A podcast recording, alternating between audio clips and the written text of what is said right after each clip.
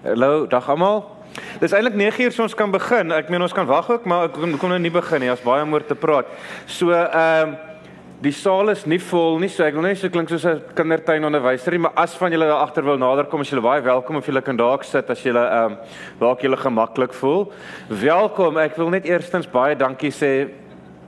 Actually Trouwens ek wil eintlik vir julle gelukwens dat julle so vroeg op 'n Saterdagoggend hier is om te kom luister. Regtig, dit wys 'n bietjie toewyding en ehm um, en julle het moeite gedoen. So reg baie dankie daarvoor. Julle maak dit moontlik om hier te kan wees. Ehm um, ons is vandag hier om te praat oor met John Oosthuizen oor sy boek Die opkoms en die ondergang van die NG Kerk. Ehm uh, Ek vermoed die meeste van julle weet dalk wie John Oosthuizen is. Ek gaan nie te lank voortboer hier oor wie John is nie daar is miskien hier en daar verdwaalde mense wat net die naam gesien het en gedink het hulle kom Bybelstudie toe maar ek dink die meeste mense het so 'n rowwe idee van John. Daar's 'n woord wat hulle deesdae nogal in die ehm um, in vroue tydskrifte en so gebruik. Hulle sal dit die Engelse woord frenemy. Ek dink die Afrikaans is 'n vyand nê. Nee, dit is 'n samevoeging van 'n friend en 'n enemy of 'n vriend en 'n vyand.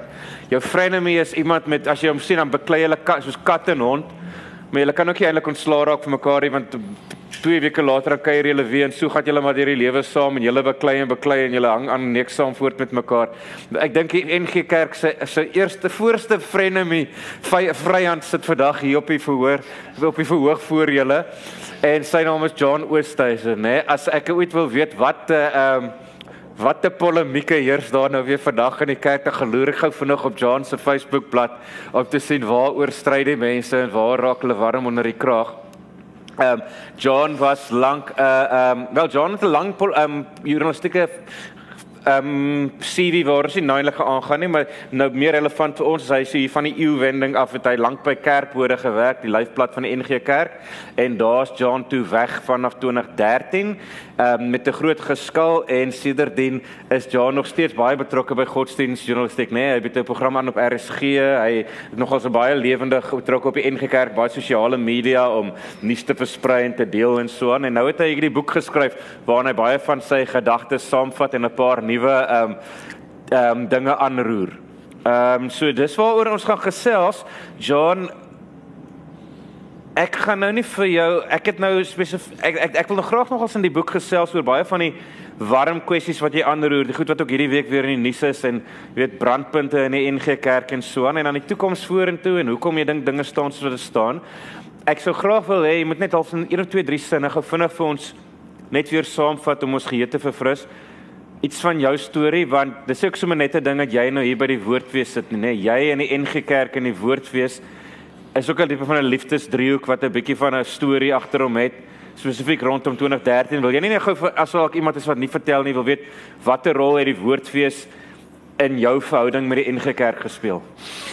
Ja dankie Johannes. Dankie vir die geleentheid. Ehm um, jy het nou nou gesê party mense mag dalk dink dit is 'n Bybelstudie groep as hulle mooi gekyk het nie maar vir vir daai vraag antwoord daar is daarom wat vir my interessant is van die stuk of 80 boeke wat hier by die woordfees bespreek is, is daar 3 boeke wat so 'n waarskuwing mannetjie langsom het in die feesprogram.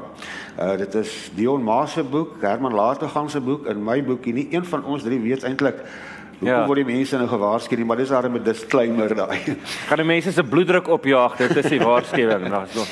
Ja, my storie met die NG Kerk en wat daar weg is uh, om 'n lang storie baie kort te maak. In 2013 wou ek 'n reeks gesprekke aanbied by die Woordfees. Toe was jy nog by Kerkbode. Toe was ek nog by Kerkbode waar ons sekere aktuelle goeders sou bespreek het. Um daai gesprekke, die een was uh of die God van die moslim, die Christen en die Jood dieselfde God is. Die ander ene was is daar 'n hemel en 'n hel? Is dit fisiese plekke? Die derde een kan ek nie onthou nie. Ons is deur die proses en alles.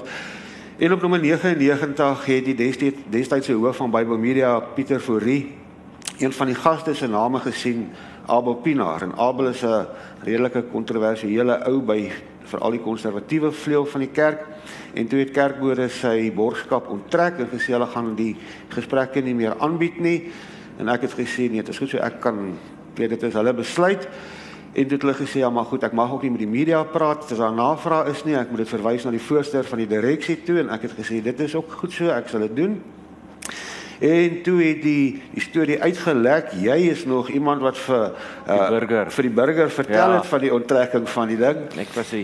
Klikback. En, en toe het die kerk 'n uh, verklaring uitgereik, 'n media verklaring wat eintlik niks anders was as 'n leenie en ek het vir die voorsteur van die direksie toe 'n e-pos gestuur en gesê uh in hierdie geval as die burger my nader gaan ek maar die, sê die die die die die verklaring het eintlik gesê dis eintlik John se skuld dat die eintlik geïmpliseer net jou skuld dat dinge so verkeerd gaan want jy het nie protokol gevolg en jou werk nie reg gedoen nie. Dis reg. Hulle het gesê ek het nie die kanale gevolg ja, nie. Ja, ja. En toe sê ek vir die burger dit is nie waar nie, dit en dit het gebeur en toe skors hulle my weens sub ordonnansie en die ander een is omdat ek met die media gepraat het.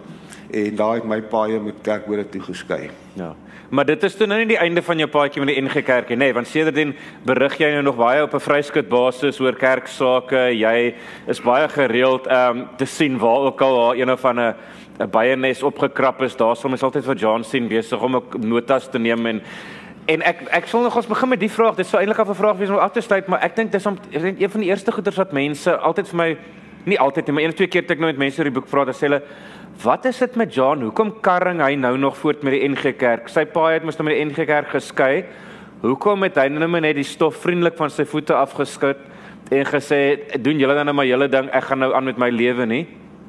Ek sal nogals graag jou perspektief daaroor en dit al breed wil vat. Wat is dit aan die NG Kerk en hulle kerksake wat jou laat voel dis relevant, dis belangrik en wat jou persoonlik nogals prikkel om daaroor te wil so graag te wil skryf en jou uit te laat. Ja, dit is 'n vraag wat baie mense vra. Baie mense sê ook just get over it en gaan aan met Ja, jou ja, lewe. Ehm um, twee redes. Ek dink my geslag uh en my ons geslag het van kindsbeen af groot geword in die NG Kerk. Die NG Kerk is soort van 'n DNS van ons. Dit het 'n geweldige invloed op baie mense se grootwordjare gehad. Ehm um, so dit is deel van jou. En in die proses het die kerk baie mense seer gemaak oor die jare en doen dit nog steeds. En uh ek dink nie mense moet net hierdie dinge wat hierdie ongeregtighede en verkeerde dinge net eenkant los nie. Dit moet aangespreek word. Tot 'n groot mate is hierdie hele gesprekke vandag oor die kerk en spesifiek die NG Kerk Maar dit gaan breër ook as die enige kerk is tot 'n groot mate eintlik maar 'n 'n storm in 'n teekoppie. Ehm um, want daar's groter dinge daar buite wat gebeur. Uh godsdienstgesprekke is nie altyd so relevant soos wat kerkmense hmm. dink dit is nie. Maar dit interesseer my en ek stel nog steeds daaraan belang en dit is hoekom ek nog daaroor skryf en praat. Jy jy's nie self meer 'n aktiewe NG lidmaat nie, is jy of as jy op enige manier in die kerk betrokke nie? Nee, ek is glad nie in die kerk betrokke nie, maar ek is nog 'n lidmaat. Ek dink my attestaat lê iewers daar in Pretoria want mense moet nie okay. goed so rondskuif maar ek is uh op ek is nog op hulle boeke. Jy's op die boeke. OK, om by die boeke self uit te kom. Kom ons gesels nou 'n bietjie oor die boek spesifiek, né? Nee? Die boek se naam is Die opkoms en die ondergang van die NG Kerk. Daar's 'n hele tafeltjie van dit as jy in daai tyd eendag tog wil kry en lees. Ehm um, vir my is iemand wat jy nou ken al die jare is nogals interessant want daar's baie van die jy weet die sake wat oor die jare jy weet aangeroer is en 'n paar nuwe goed ook. Dit is al 'n bietjie meer ondergang as opkoms van die NG Kerk in die boek. Ehm um, want dit fokus veral oor die laaste 10 jaar en so en al die omstredenhede wat die nuus be weet gay debat en ehm um, die ehm um, kerkeenheidsgesprekke en ehm um, skriftuurlike aangeleenthede en so wat hulle beklei het. Ek sê nogals kom ons begin op die eerste blad, die opkoms en die ondergang van die NG Kerk, nê. Nee, ehm um, Hoekom sal jy sê die ondergang van die NG die NG Kerk het tog nog nie ondergegaan nie? Nee, hy is maar nog hier so rond. En nog trouens nogal een van die meer sterker kerkverbande, ehm um, welvarend selfs. Ehm um, wat wat wat het julle hier probeer sê met die ondergang van die NG Kerk? Ja, dit is 'n sekerlik 'n geldige vraag. Baie mense sê vir my, maar die NG Kerk het nog nie ondergegaan nie. Nee, hy het nog nie ondergegaan nie. Hy is nog daar. Die HNP het ook nog nie ondergegaan nie. Die HNP is ook nog daarso. Ja. En toe die Titanic gesink het, was 3 kwart onder die water en die ander deeltjie nog daarbo, so hy was ook nog daar. So ek dink die NG Kerk is my baie soos die Titanic, daar stik nog 'n stukkie daarbo uit en hulle sê nee, maar hy het nog nie onder gegaan nie. En die bo is 'n klompie mense besig om die dekstoele rond te skuif. Uh 'n organisasie of 'n ding soos die NG Kerk gaan nie oornag onder nie. Dit is 'n proses.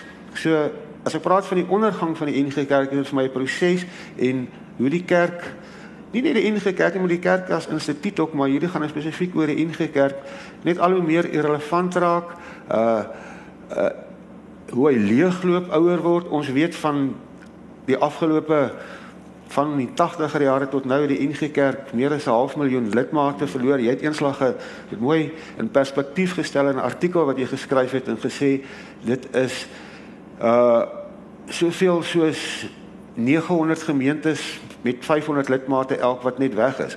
Nou daar's natuurlik verskillende redes daarvoor.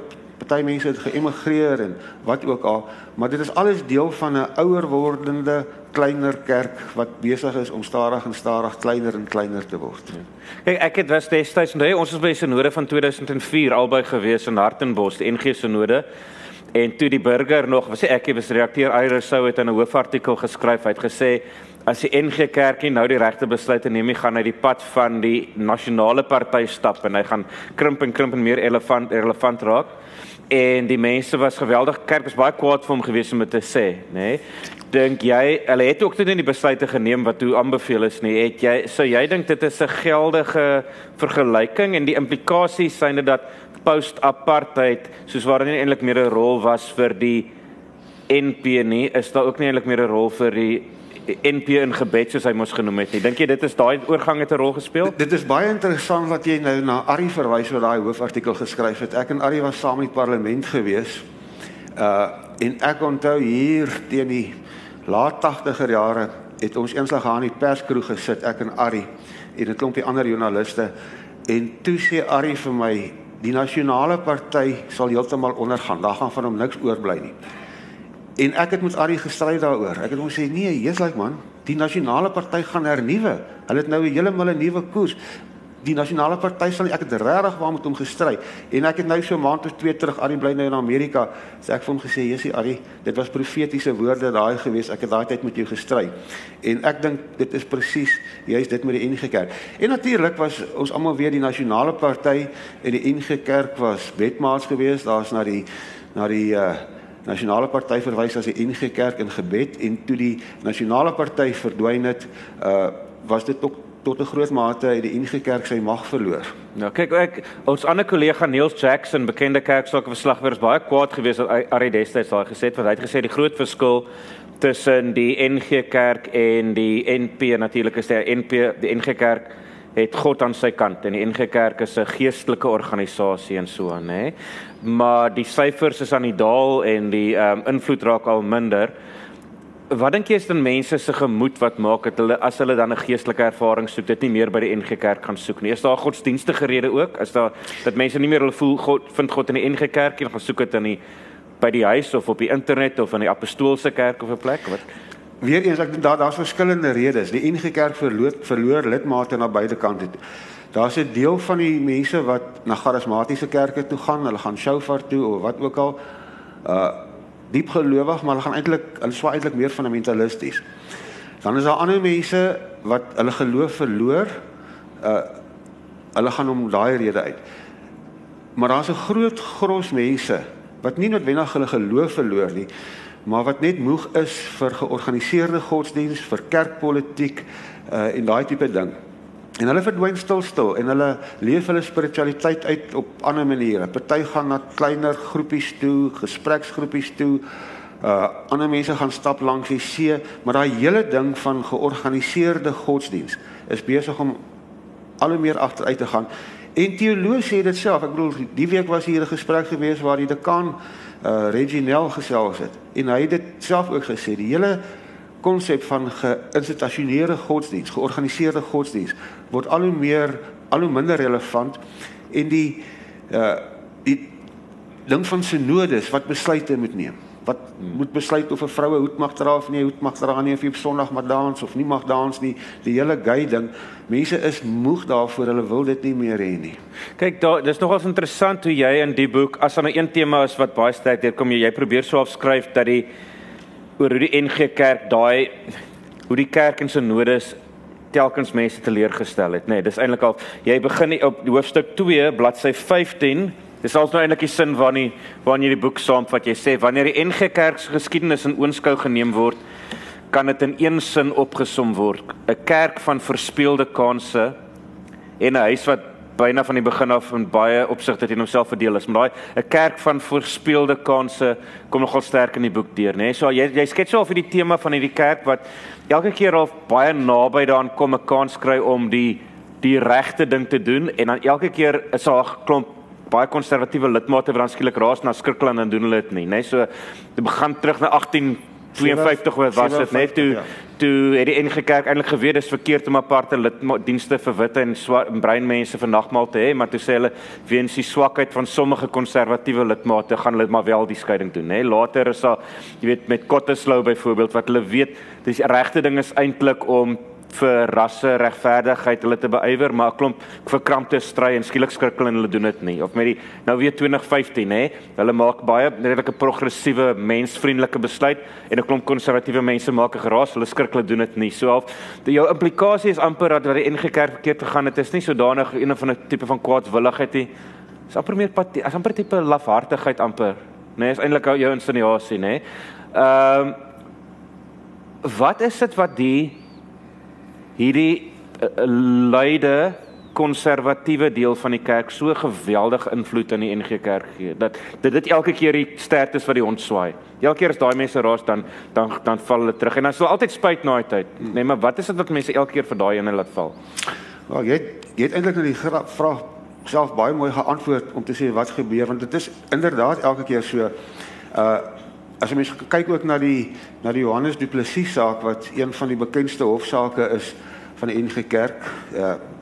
Hofsaak wat die NG Kerk ook verloor het. Elke enkele hofsaak verloor die NG Kerk as dit ja. oor oor sulke tipe goed gaan. Uh hy was 'n baie progressiewe denker, seker een van die beste teoloë van die NG Kerk. Wonderlik. Dis nou in die 1920s rond, nee, dis nou lank terug. Dis reg, ja. ja. Uh wat het daar gebeur? Hulle het tot van hom ontslaag geraak hier by die universiteit. Daar was 'n hofsaak uit die hofsaak gewen en toe die kerk op 'n agterbakse manier van hom eintlik ontslaag geraak. En so was daar verskeie ander kere in die geskiedenis, maar elke keer uh, met Johannes Du Plessis saak, elke keer na dit dan val hulle terug in 'n tipe fundamentalisme en ek sal jy vra hoekom dit so is, ek sal nou vir jou probeer vertel, maar dit is dis letterlik elke keer so. Uh dieselfde by die woord wees, dink jy weet. Dieselfde moet uh 2015 se besluit. Ek onthou met 2015 se besluit in die sinode toe moes ek 'n artikel geskryf het vir weekliks. En uh nou weet jy daai goed is moet voor die tyd sak en ek het 'n idee in my kop wat gaan die sinode besluit in 2015 en dis nou oor die gay debat in 2015. Dis reg. En soos ek die kerk ken het ek gesê daar's geen kans dat hulle in 2015 hier progressiewe besluit sal neem nie want hulle is te bang daarvoor. So ek skryf die draft van my artikel soort van nou wag ons net dat die besluit geneem moet word want net daarna moet die moet die koerant sak. En hier kom hulle en hulle verras my totaal en al en hulle neem hierdie progressiewe besluit. Ek moet toe vir Pieter Malan, redakteur van Weekliks bel en sê, "O, Jesus, gee my net kans. Ek moet my hele artikel oorskryf want ja. die kerk het my nou totaal verbaas." En die opskrif van die artikel wat ek toegeskryf het was die kerk het nou sy Rubicon oorgesteek. Dit was vir my ek kon dit nie geglo het nie en almal was in die wolke en bly gewees daaroor. Ek het wetenskappe verloor. Henny sit hier so in die gehoor. Hy het vir my gesê hulle sal daai besluit neem in 2015. Ek het gesê daar's geen manier nie. Ek het daai wetenskap verloor. Hulle het my totaal en al verras. Maar wat gebeur toe? 'n Paar maande later nog voor die 2016 te besluit kom hulle uh ek wil regtig wel amper sê ek wil nie eens moet moet seker nie die woord agterbaks gebruik nie, maar op 'n selfe manier gaan sit hulle daai hele besluit op ys. 'n Klein groepie mense Ons praat van staatskaping. Daar is kerkkaping 'n absolute tipiese voorbeeld van ja. kerkkaping. En hulle sit daai besluit op ys teen hulle eie reëls in, teen die beste regsadvies in doen hulle dit. Kom jy vra, jy vra hoekom? Die eenvoudige rede is na 2015 se besluit was daar so 'n backlash gewees onder gemeentes, uh konservatiewe mense, mense het gesê en dalk kom jy dink in ons gaan nou nie meer ons bydraes vir die kerk gee nie en ons gaan ons offergawes weer hou en hulle skrik vir hulle poepkout. Ja. En hulle besluit nee nee nee nee, ons gaan nou te veel lidmate verloor. Dit gaan nie vir hulle oor die beginsel nie, dit gaan vir hulle oor wie gaan hulle tevrede stel en wie nie. Ja. Maar dis ook ek dan kry jy ook eintlik mense jammer op 'n sekere sin, nê, nee, want as hulle nou 'n progressiewe besluit neem, dan stroom al daai meer konservatiewe of behoudende mense is mooier woord uit. Maar as hulle die behoudende besluit neem, dan is dit nou hierdie mense wat die koerant lees wat die jonger generasies en stedelike meer opgevoede men, middelklas mense wat ook in hulle massas dan nou weer uitstroom, nê. Nee, so wederkant is so is die probleem nie dat die NG Kerk in die eerste plek te veel mense bymekaar probeer hou het wat in die eerste plek nie bymekaar hoort nie. Ja, absoluut. Dit is so. Dit is dit is hoekom ek ook sê dit is 'n huis wat in homself verdeel is. Hulle wil die hulle is so bang vir kerkskeuring uh en dat hulle lidmate gaan verloor dat hulle die onverzoenbares nou teenwillend lank bymekaar wil hou en dit gaan nie werk nie, dit kan nie werk nie, net soos wat die ANC op die oomblik moet totaal twee onverzoenbares is en daar sit die arme Cyril en hy moet probeer om hierdie hierdie bal te juggle. Dit kan net nie werk nie. Behalwe dan jy sien die, die groot verskil is daai is nou 'n politieke party maar met politieke besluite maar elke besluit wat die NG Kerk neem. Kom ons wat nou in die nuus is, die gay debat. 2015 neem hulle die besluit en dan is dit elke keer met 'n groot ding die besluit is geneem onder leiding van die Heilige Gees. En dan kom die volgende jaar en dan neem hulle presies die teenoorgestelde besluit en dan is dit onder leiding van die Heilige Gees. Ja. Wat sê dit? Dit maak eintlik 'n belaglikheid van 'n konsep soos die Heilige Gees. Ja. Die arme Heilige Gees moet elke slag die skuld kry vir wat besluit word. Ja. Ja, die ehm um So wat is die antwoord? Is die antwoord dan nie maar eintlik half om te laat gaan van die idee van kerkverband nie? Moet mense nie maar in kleiner groepe bymekaar begin kom? Want die meeste mense voel in elk geval 'n lojaliteit teenoor 'n gemeente of teenoor, jy weet, hulle is in Dominee Van of Dominee San se gemeente.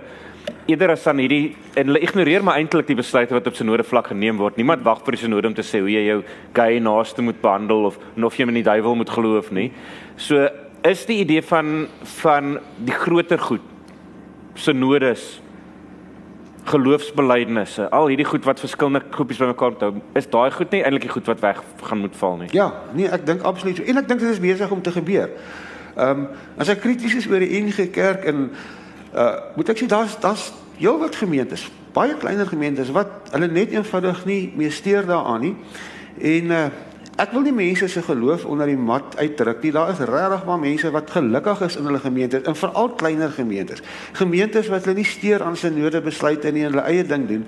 En en dit is wat ook gebeur. Die synodes in strukture en selfs geloofbelijdenisse in daai goedes raak al hoe meer irrelevant. Mense wat nog gelowig is en na klein gemeentes toe gaan, hulle is dit nie 'n saak wat in die geloofsbelijdenis staan nie.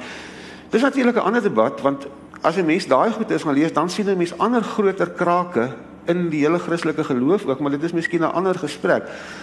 Maar mense wat nog kerk toe gaan, oor die algemeen, hulle soek 'n veilige ruimte waar hulle kan veilig voel, hulle spiritualiteit uitleef, weg van al hierdie hoogdrawende synode besluite en goed wat hulle geen erg aan het nie. Ja. Die ander ek meen, een ding van synodes en so nê, is dit gee vir hulle die kapasiteit om baie goeie goed te doen hè. Hulle kan ehm um, welsynsdienste bedryf, hulle kan geld bymekaar kry om weeshuise te bou. Die NG Kerk is al aan my gesê is die grootste privaat skenker aan welsyn in die land. Ek kan dit verkeerd hê, maar ek dink dit is die geval. Ehm um, so as jy daai wegvat, gaan jy dat laagskielik 'n vreeslike leemte laat. Jy verwys in jou boek op na mes, nê. Nee. Ehm um, daai die welsynsaksie in Hielbrau, die middestad van Johannesburg, 'n goeie werk wat hulle doen. So baie keer sal mense sê, "John, ehm um, jy val net so die NG Kerk aan oor al hulle leerstellige besluite, maar moet mense nie meer aandag gee aan al die mooi dinge wat gedoen word, die weeshuis en die sopkombuis en hoe hoe hoe gesels jy met daai standpunt?" Ons kan glad nie ontken dat die NG Kerk geweldige goeie werk gedoen het ten opsigte van maatskaplike werk nie en nog doen nie en nog steeds doen nie en daar's daar's 'n groot klomp geld daarin dit is so. Ehm um, en ek wil dit nie negeer nie. Maar die punt is daar's uh ek bedoel net so het die ANC geweldig gedoen ten opsigte van elektrisiteitsvoorsiening, watervoorsiening, behuising vir mense, maar dit beteken nie ons moet die ander goed van die van die ANC eenkant toe skuif nie. Ek negeer nie daai goed nie, maar dit is natuurlik nie net die NG Kerk uh, wat wat daai goed hoef te doen nie. Daar is nie regeringsorganisasies wat dit ook kan doen. Uh, uh en ek is bevrees Ek hoor hierdie hofsaak wat hulle nou verloor het, gaan hulle iets soos in die omgewing van 5 miljoen ken. So hulle moet koste betaal vir die vir die ander mense, nee. Hulle betaal, dit gaan omtrent 5 miljoen kos in die in die lidmate gaan dit betaal. Ja, ek, ek, ek hoop nie. Eintlik hoop ek, jy weet in Zuma se geval het hulle die hof later besluit nee nee, maar jy weet die die die regering kan nie daai geld betaal nie. Zuma moet uit sy eie sak betaal. Daar's ses respondente in hierdie hofsaak, hulle name word daar genoem. Ek hoop daai respondente moet bietjie ook van hierdie 5 miljoen opdok uit hulle eie sak uit want hulle die kerk in hierdie gemors laat beland. Ja. Ehm um, Ja, ek mens ek sal wil vra waar gaan daai geld vandaan kom? Mense kan net bespiegel, nee. So ja. kom ons gaan nou maar nie daar nie. Ehm um, Ja, hoe sal 'n is jy voorspel die NG Kerk gaan maar eintlik nie meer bestaan oor so 50 jaar of so nie, nê. As daar is gaan dit half net so 'n tipe van 'n klein splinter bewegingkie wees soos wat daar nou Ja, want volgens volgens sy eie statistieke word hy ouer en kleiner en kleiner ja. en kleiner. Uh hy sal miskien nog daar wees.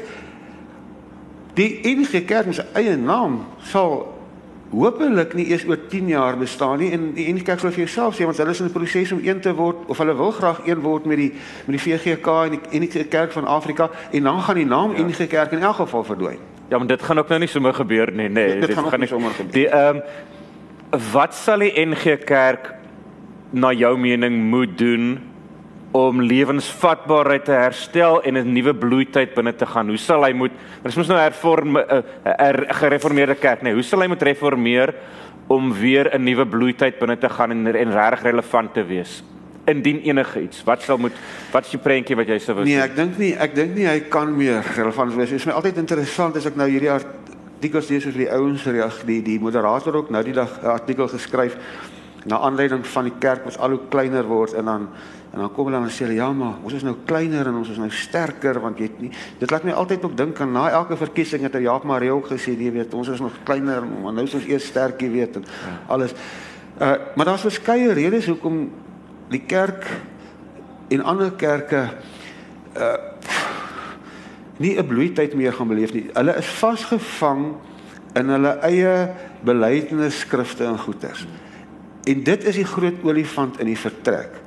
En die kerk om relevant te raak, om die vraag te antwoord, om relevant te raak in die breër samelewing.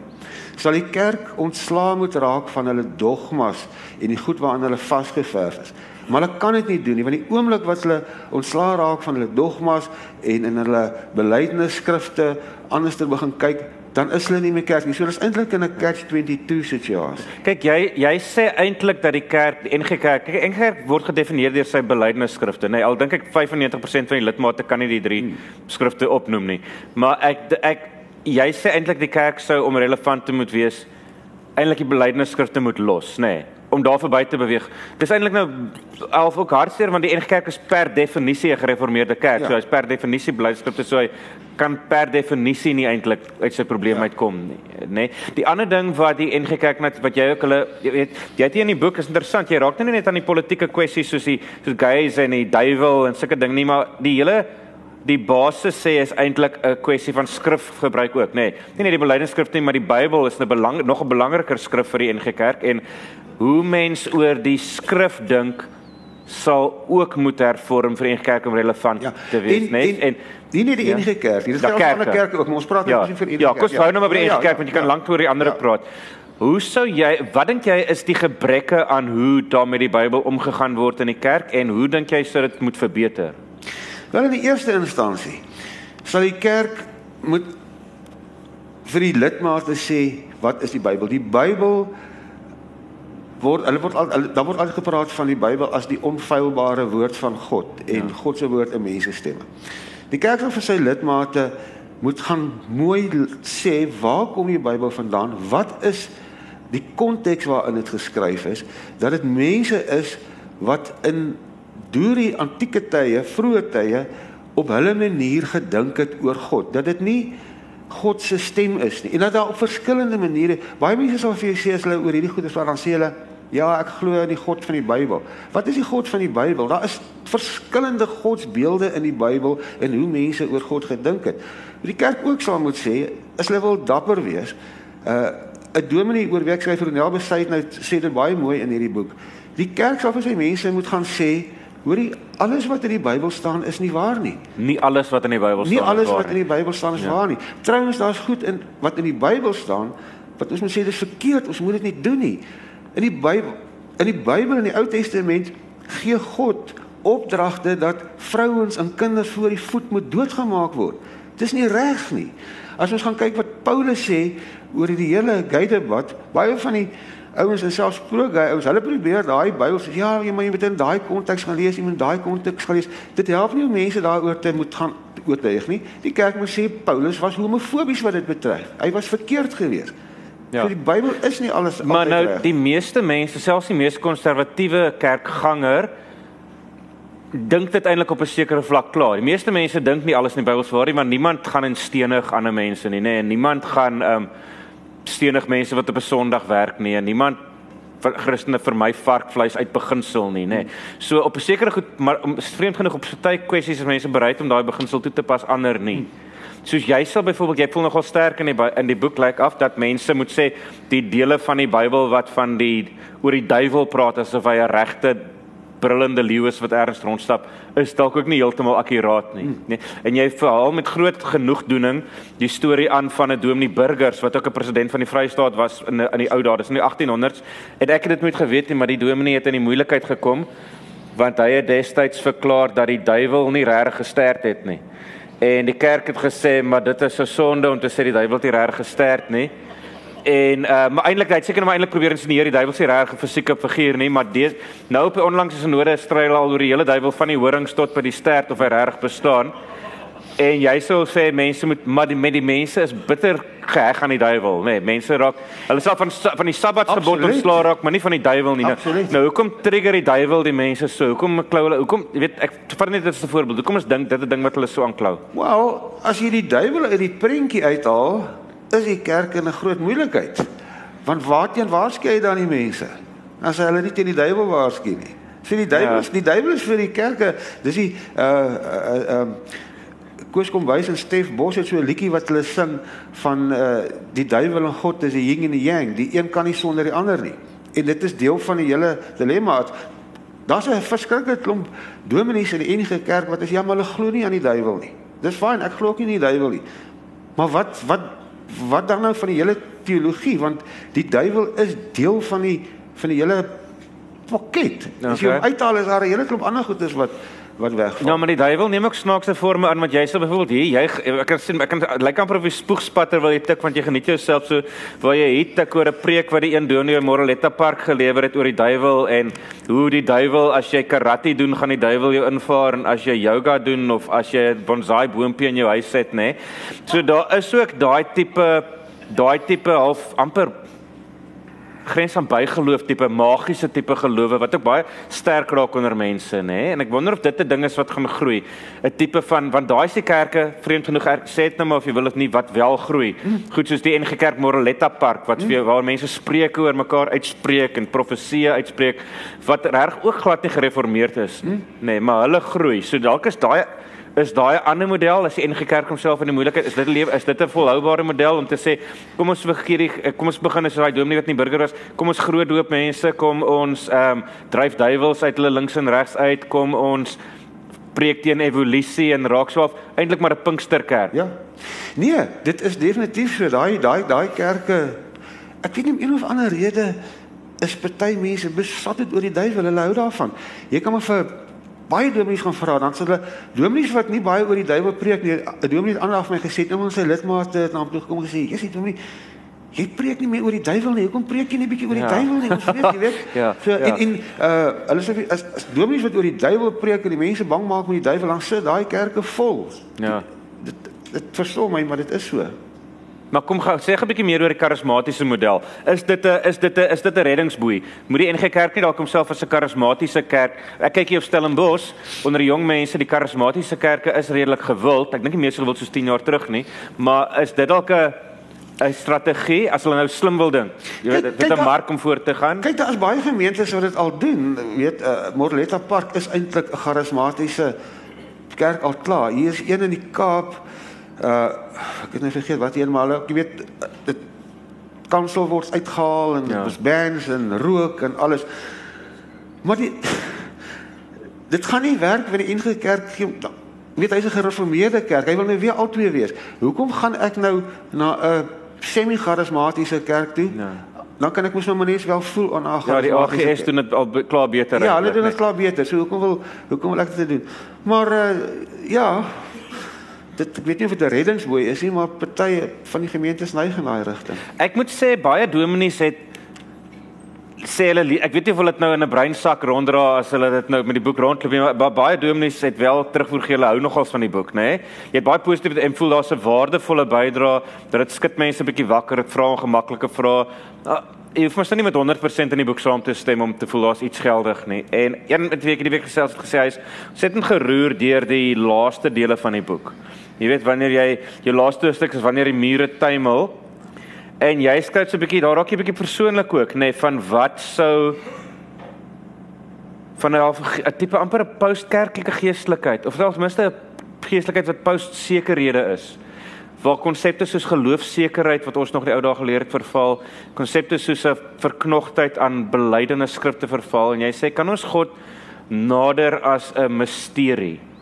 Want aan die een kant is daar nou die karismatiese oplewing, maar daar's ook 'n oplewing, nie oplewing nie, maar toenemende gewildheid in 'n meer tipe kontemplatiewe spiritualiteit van sê kom ons gaan soek God eerder in die stilte. Kom ons wees broos en erken dat ons nie antwoorde het nie en probeer eerder na God luister as om die hele tyd voor te skryf weet nie of dit die potensiaal het om 'n massa beweging te raak ooit nie, nê, maar maar sien jy al daarso 'n bietjie van 'n groeipunt van mense wat soos jy sê, kom ons praat van God eerder as 'n vraag as 'n antwoord. Kom ons kom ons wees gelukkig met ons on, kom ons leef in ons onsekerhede en sien dit as iets wat ons hart kan oopbreek vir die ja, wonder van die wêreld. Definitief. En uh as ek nou sê kom ons soek God daarso, dan gebruik ek God eintlik half meer as 'n metafoor. Ek sê ek sê miskien wil as jy dan God moet miskien net mens moet net die lettertjie e ook daarin sit en praat van goed.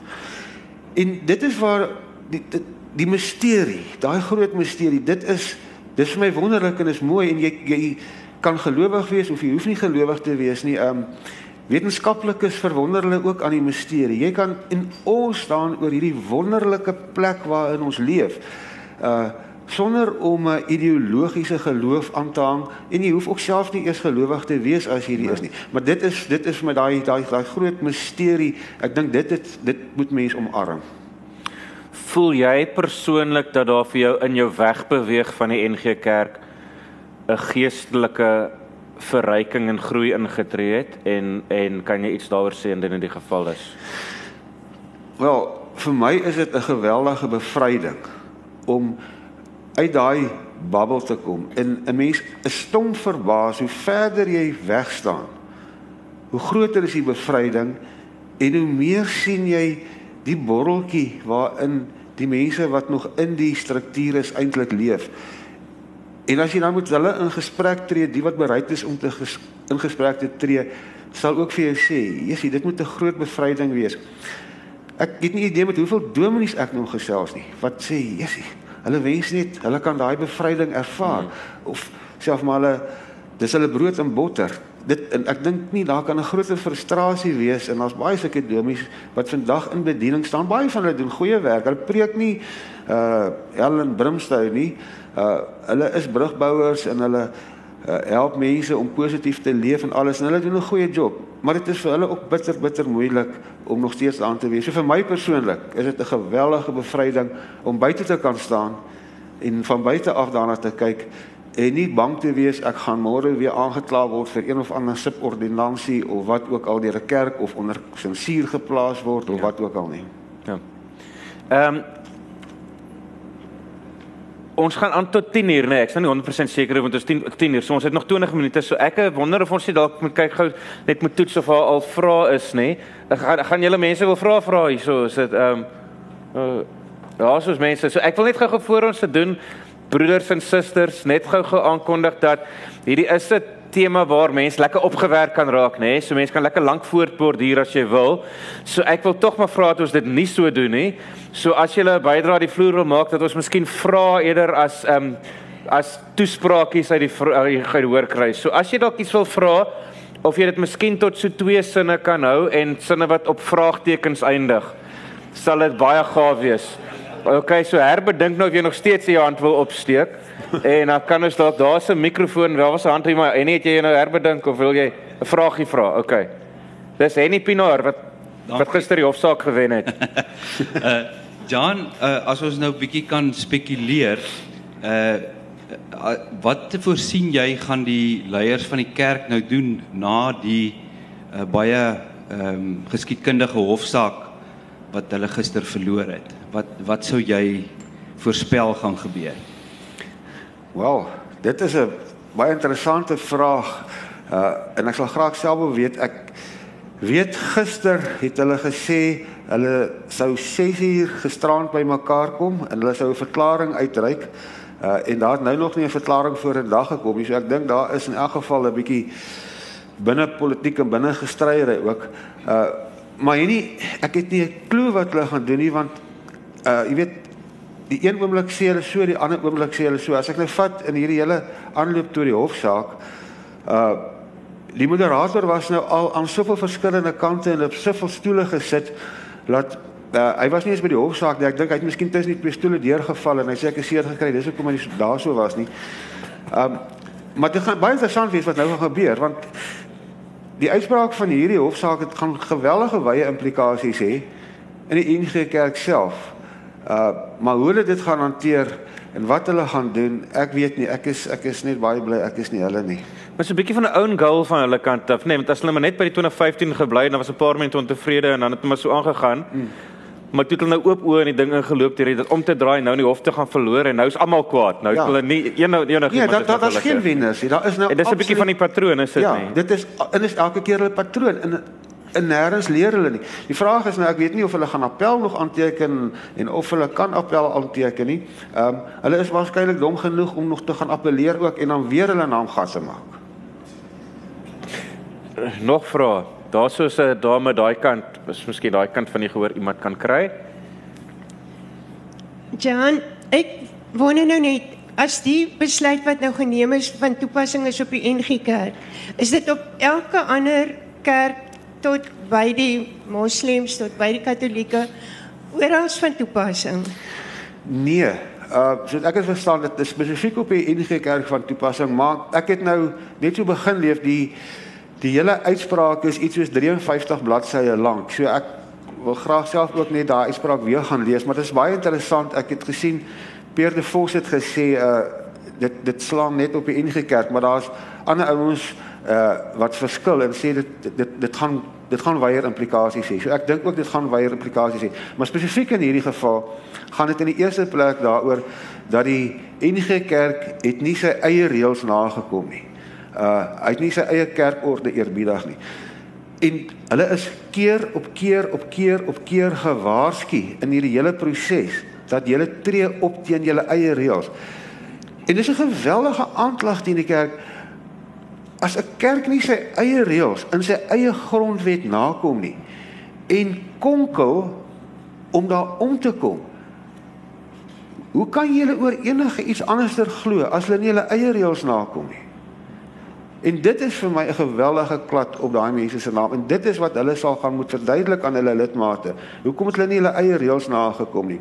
Maar ek dink wel die die uitspraak gaan weier implikasies hê.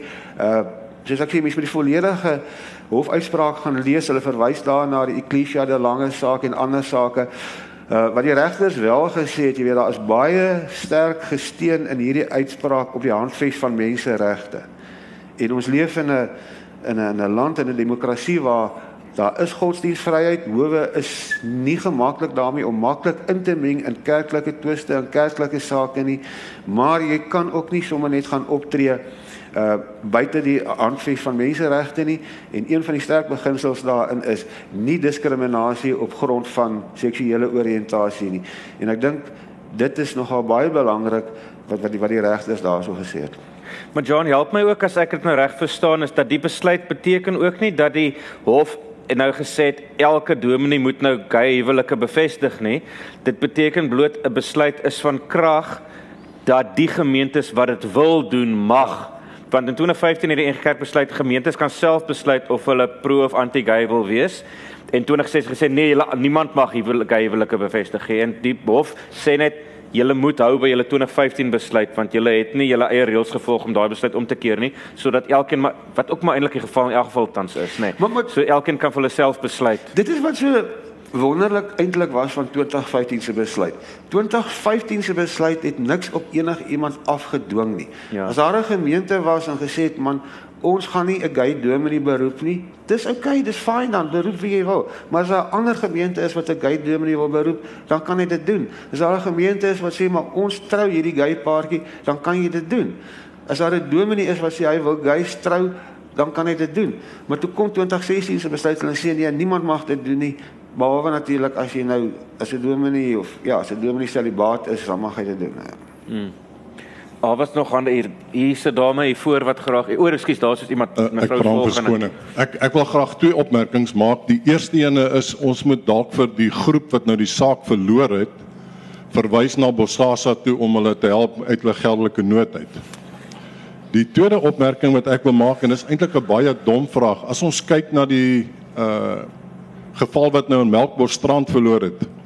My vraag is die dominee wat nou geskort is uh ek weet nie of hy net uit die gemeente geskort is en of uit die kerk as 'n geheel nie.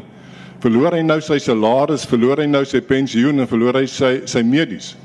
So in in Melkbosstrand vir die wat julle dit gemis het, was maandag maandag dink ek net die voorblad ja. van die burger dat een van die gemeenteleraars daar's in die pad gesteek omdat hy die groot doop verkondig en toegepas het. En ek dink dis partykeer 'n kwessie, dis nou nie so sexy kwessie soos guys in kerk eenheid nie, maar dit is 'n baie groot kwessie. Selfs die dorpie waar ek bly het die gemeente, soos jy weet, geskeer oor die dominee wil begin groot doop het. Ehm um, wat het daar presies gebeur en wat is die implikasies van dit vir die predikant sover jy weet? Of wat sê dit in terme van die hele kerk waar die kerk staan op sulke tipe kwessies? Kyk, as mense oor die doopdebat gesels, is dit nou 'n hele debat op sy eie en uh maar nou maar dis nou weer daar waar die NG Kerk op twee stoele sit, die kant toe en daai kant toe. Goed, die NG Kerk is is is vir kinderdoop en 'n eenmalige doop en goed, nou kan ons sê goed, dit is uit beleid. Maar wat gebeur in die praktyk? 'n Dominee soos daai verloor sy werk, hy word geskort. Maar nou wil die NG Kerk, nou sit hy op twee stoele. Hulle het nou 'n ander ding, hulle noem dit uh doopviering. Ja. Ja. Omdat daar 'n klomp dominees in die NG Kerk is wat ook nou maar groot doop. So 'n dominee, Janie Pelser hulle en daai ouens doen dit. Hulle doop groot. Uh hulle druk die ou in die swembad, dis die tweede keer alles, maar hulle noem dit nie doop nie, hulle noem dit doopviering. Ja. Hulle kan al daai goedes doen. Hy mag net nie sê ek doop jou in die naam van die Vader, die Seun en die Heilige Gees nie. Verder is alles reg. So daai dominees mag dit doen. Die dominee in Melkbosstrand, ek is ook glad nie 'n wederdoper of wat ook al nie, die doop is nie vir my so belangrik nie. Maar hy is hy's eerlik. Hy sê Ja, hy was dit eerlik. Is, hy's hy's eerlik en omdat hy eerlik is, verloor hy sy job. Die ouens wat nie eerlik is nie, wat nou drie woorde nie sê nie en presies dieselfde ding doen en presies dieselfde glo, hulle noem dit 'n doopviering. Nee, alles alright. Ja. Ehm um, jy maar jy weet nie die details van die spesifieke geval wat met die die, die, die predikant te doen staan nou en so aan nie, nee. Die Jy in is nie- Melkbos? Ja. Nee, hy sal hy sal ek bedoel hy het nie 'n kans om sy werk te kry, hy sal sy werk verloor want hy is hy, hy weet hy's in stryd met die NG Kerk se se se, se siening oor die doop. En hy het 'n legitimasie eet afgelê wat hy nou verbreek het. Ek ek woon in die dorpie Stanford en Jan het al daar storie kon skryf. Jy het self gaan skryf vir kerk vir rapport dat die dominee daar het groot gedoop en die gemeentelede was baie gelukkig daarmee, maar iemand in die kerkraad het gekla. En toe is die dominee uitgeskop en nou kom die dominee en die hele gemeente kom nou in die skoolsaal bymekaar en die kerkraad sit alleen in die kerkgebou op Sondag. En dis eintlik wat gebeur, nê? Nee, mense skop vas by hierdie goed en ja. dan gaan die hele volk nou maar net uit die kerk gaan doen hulle ding op 'n ander plek. Ehm, um, skus, hier het 'n vraag hier voor, mevrou. Ek wil net graag vra. Ons moet 'n vraag vra. Ja. En my vraag is, wat is u opinie? Wat sou Jesus Christus nou sê as ons ons vra? Gee vir ons u opinie oor alles wat vandag gesê. Wat kom môre in die Koran? Hier's seker baie mense wat daar mee sit.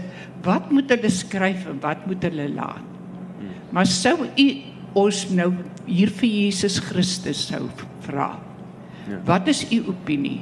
Wat sal u sê? My opinie wat Jesus sou gesê het is uh die heel kortste vers in die Bybel is Johannes, ek kan nou nie onthou presies wat 'n teks nie. En daai teks is drie woorde. Jesus het gehuil. Ek dink as Jesus gesien het wat in sy naam gepredik en gedoen word, sou hy net eenvoudig gehuil het. Ek dink nie Jesus sou deel gewees het van hierdie georganiseerde strukture nie. Wil Esther hy het eendag vir my gesê, die kerk is die een ding waarteen Jesus ons gewaarsku het, ook in sy tyd. Ek dink beslis nie Jesus sou uh die oorvertelde Jesus sou hom tuis gevoel het in hierdie strukture wat vandag kerk genoem is nie. Ehm um, daar so agter David van Lille. O, maar skus eers, dit is die ook 'n predikant daar, so ek wil hom net voor die spot sit. Maar nie 'n Jan, NG predikant ehm, nie. Jean, ons is baie bly dat jou attestate nou nog in Pretoria is. Want kerk regtelik baande dit die weg dat ons vir jou kan nomineer as moderator. maar wat ek nou vandag hoor is jy sal net beskikbaar wees vir die laaste begrafnis van die NG Kerk. maar wat my hoop gee is dat die NG Kerk darm nog glo in die opstanding. Soos Jan sê nou maar hulle los al hierdie goed, die dogma, die sinodes, die Bybel en al daai goed. Dink jy dat die kerk nog nodig is of sê elke ou moet sy eie pad loop? Dit was Theo en dan dink ek as hy klaar is kan die volgende vraag kan dalk David van Lille wees wat daar agter agter by die gangetjie sit, skus. Toe persoonlik dink ek nie die kerk is meer nodig nie. Ek dink 'n uh, mens kan sonder kerk leef.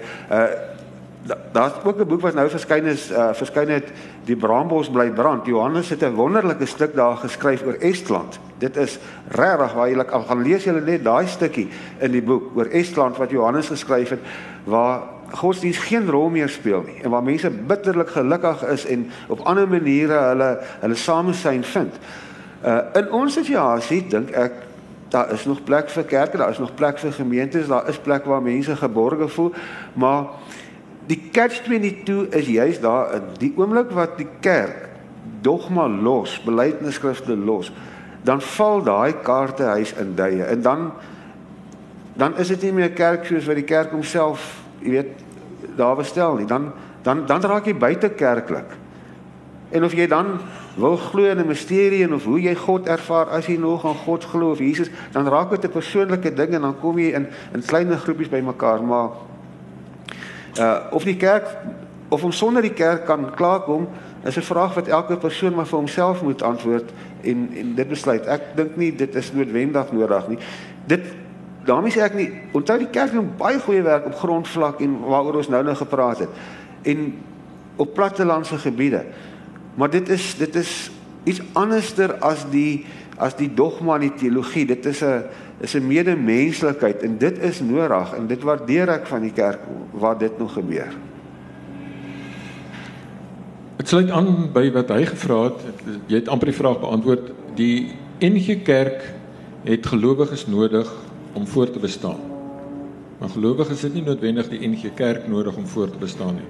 Daar is 'n geloofsgemeenskap. Nou sou jy sê daar is ruimte vir 'n nuwe geloofsgemeenskap Uh, ek wil nou nie sê op die ruïnes van die NG Kerk nie, maar wat uit die NG Kerk kan kan kom en kan leer uit die verlede uit. En ek wil dit nie 'n kerk noem nie, maar 'n nuwe geloofsgemeenskap skep. Ja, en ek dink dit gebeur gebeur reeds uh, Dawid. Daar's baie mense wat weg is hulle en, en nie noodwendig. Dis hoekom ek sê Mens moet nie dink almal wat die kerk los verloor hulle geloof nie. Dit is glad nie so nie. Dit daar is ek dink die dit is miskien die minderheid wat hulle geloof heeltemal verloor het. Die ander mense, hulle loop net stil-stil weg uit die kerk uit. Hulle is nie meer aan 'n kerk of aan 'n enige kerk gekoppel nie. Uh hulle noem baie hulle noem hulle self Christene in ballingskap. Of daai mense hulle weer wil organiseer in 'n georganiseerde groep, dit weet ek nie. Ek dink baie mense wil net gelowig bly, spiritueel bly, uh in kleiner groepies miskien bymekaar kom. Daar is wel ek gesels met baie mense wat sê, "Jesus, like, ek wil nie meer NG Kerk toe gaan nie, maar ek wil graag iewers behoort." Want almal van ons wil iewers behoort. Of dit nou aan 'n kerk is of aan 'n organisasie of 'n yoga klub of wat wat ook al. No man is an island. Niemand van ons is alleen nie. Ons wil uh iets aan iemand of aan 'n groep of wat ook al behoort of 'n golfklub of 'n rolbalklub of wat ook al. Maar of dit noodwendig 'n uh, 'n uh, kerk moet wees, dit moet elke ouma self, maar daar sal, daar sal vir 'n baie lang tyd uh behoefte wees aan ook kerke en gemeentes waaraan mense wil behoort want hulle voel veilig daar, hulle voel hulle leef hulle spiritualiteit daar uit. Hulle wil net nie van bo af al hierdie goeders gesê word wat wat sinodes en ringe en goeders op mense afdwing nie. John, maar nou net gou in nou in alle eerlikheid nê, nee, daar's nou 'n ou en hy verlaat nou die NG Kerk en hy vat nie meer die Bybel letterlik op nie en hy glo nie noodwendig Jesus het uit die graf opgestaan nie dan wat is die punt nou eintlik om jouself dan 'n gelowige te noem? Ek meen wat is dan nie dan dan kan jy dan vra ek myself is daar baie is baie Afrikaanse mense nie besig om eintlik maar deur te gaan wat Europa in die 60s en 70s deur gegaan het dat ons eintlik sekulariseer Maar selfs nadat mense die kerk verlaat het, klou hulle maar nog vas om te sê ek's 'n Christen, want hulle hou van die woord, maar dit verander nie eintlik veel meer aan hoe hulle lewe nie. Want as jy nou kyk in terme van die guiding wat ons nou Ja. gepraat het, baie ander goeters, mense vat half die waardes wat hulle waarde riglyne kry mense deesdae eintlik maar uit die handves van menseregte of uit media of uit die sekulêre samelewing baie meer as die dominee. Die dominee kom so half mor mor agterna en begin dan nou maar ook maar besluit gay huwelike is okay en en so aan. Is so sê sekulariseer mense nie eintlik man. Is dit nie maar wat dit is? Nee nee, ek dit is absoluut besig. Sekularisasie neem al hoe meer toe. Dit is so. En dit beteken nie ehm um, dat jy nie die mooi dinge wat vir jou mooi is nog kan gebruik nie. Uh Willie Esterhuizen stel dit altyd vir my baie mooi. Hy sê hy vir hom is die boodskap van Jesus belangrik. Of daar nou so ou rondgeloop het regtig in Galilea of nie, hy sê dit maak nie vir hom saak nie. Die boodskap is vir hom belangrik. Hy maak dit sy eie en hy gebruik dit. En so uh gebruik baie mense die nice goed en die en, en die goed wat waarde kan toevoeg tot jou lewe en hoe moet jy uh, optree? Mense verwoord dit nou op verskillende maniere in daai selfe boek Braambos het uh Hunter van wat by Fokhof polisiekar was, wat is hy van? Kennedy. Uh, Hunter Kennedy ja. Ehm um, elkeen moes dit esse geskryf het oor 'n Bybelversie en ek kan nou nie presies onthou watter Bybelversie hy gekies het nie, maar die die opskrif van sy storie is hy sê al wat Jesus eintlik gesê het is moenie 'n drol wees nie. En wie- wie ek wat dit Ja. gesê het, nie is hy wat dit gesê Ja. het. En dit is eintlik mense wil net nie drolle wees nie. En moenie moet man anders ja. wees nie. Ek daar's nog 'n vraag. Ek dink dis dalk dan omtrent die laaste een, want ons het letterlik 2 3 minute, ons moenie te lank praat Ek nie. sal nie. En John, jy kan nie antwoord hier's ek. Ehm um, ek ek gee ek gee die die kans om antwoord baie kort te hou. So met letterlik een woord. Ek soek 'n persentasie min of meer, maar jy kan uitbrei ook daarop as jy wil. Hoeveel dominees in die NG Kerk, myn ouens nou daarbo, hoeveel van hulle glo regtig wat hulle sê? En die die boodskap wat die dominee elke Sondag in die kerk wat daar. Glo hy dit regtig of is dit op die einde eintlik maar vir hulle ook net 'n politieke speletjie wat hulle speel want soos dit nou genoem is, ehm um, die kerk het gelowiges nodig. So wil hulle die mense gelowig hou en glo hulle self wat hulle nog sê. Goeie Maar vraag. Dit is 'n goeie vraag. Uh en dit is iets wat vir my altyd verstommend is. Uh op universiteit by die kweekskool leer die dominees al hierdie goeters wat gesê word, hulle leer die Bybel uh weerspreek homself. Hulle leer daar was nie regtig 'n Adam en 'n Eva nie. Hulle leer al die goeters Maar baie van hulle as hulle klaar is en hulle gaan by 'n gemeente dan val hulle heeltemal weer terug in of 'n fundamentalistiese storie of wat ook al. En dan is daar baie dominees. Ek bedoel dit is mens sien dit is hierdie ding waar in die kerk sit. Hulle lê 'n legitimasie eet af waarin hulle al die belydenisskrifte onderskryf en elke sin daarin. Maar dan sal jy om elke tweede hoek en draai sal 'n dominee sê sê ag man hy glo nie eintlik aan dort nie en daai deel van die Heidelbergse katekismes met jy nie aansteen nie dis nonsens en alles. En dit is wat die hele ding die dit dit is wat die hele kerkstelsel dan op die ou einde ongeloofwaardig maak want almal sien dit. Ek ken dominees wat vir my in geselskappe sal sê Wel, die meeste dominees sê al klaar, hulle glo nie Jesus is uit 'n maagd gebore nie. Die meeste NG dominees sê dit vir jou. Die oorgrootste persentasie. Maar kom ek sê nou vir jou dat daar nou môre oor môre 'n agenda punt is op 'n sinode of Jesus uit 'n maagd gebore is, dan is die hel los. En dan is daar dominees wat nog hulle die moed om vir jou te sê ja, Jesus is nie uit 'n maagd gebore nie en hulle sal dit hardop sê. En as jy saam met hom koffie drink, dan gaan ons nog een stapie verder, dan praat ons oor die goddelikheid van Jesus. Dan sal daai selfde dominee ook vir jou sê, ja, maar Jesus dit is 'n sinode wat van Jesus 'n god gemaak het. Ek glo ook nie Jesus was 'n god nie. Hy was 'n rabbi gewees, 'n Joodse rabbi. Hy was nie eens 'n Christen gewees nie. Maar dit kan hulle nie in hulle gemeente sê nie. Hulle kan dit nie in hulle sinode sê nie. Kan ons wag iemand om in te kom? O, okay, ons word uitgejaag, maar ons is nie klaar nie want hier is 'n tafel, okay, nee, jy gaan 'n boeke teken.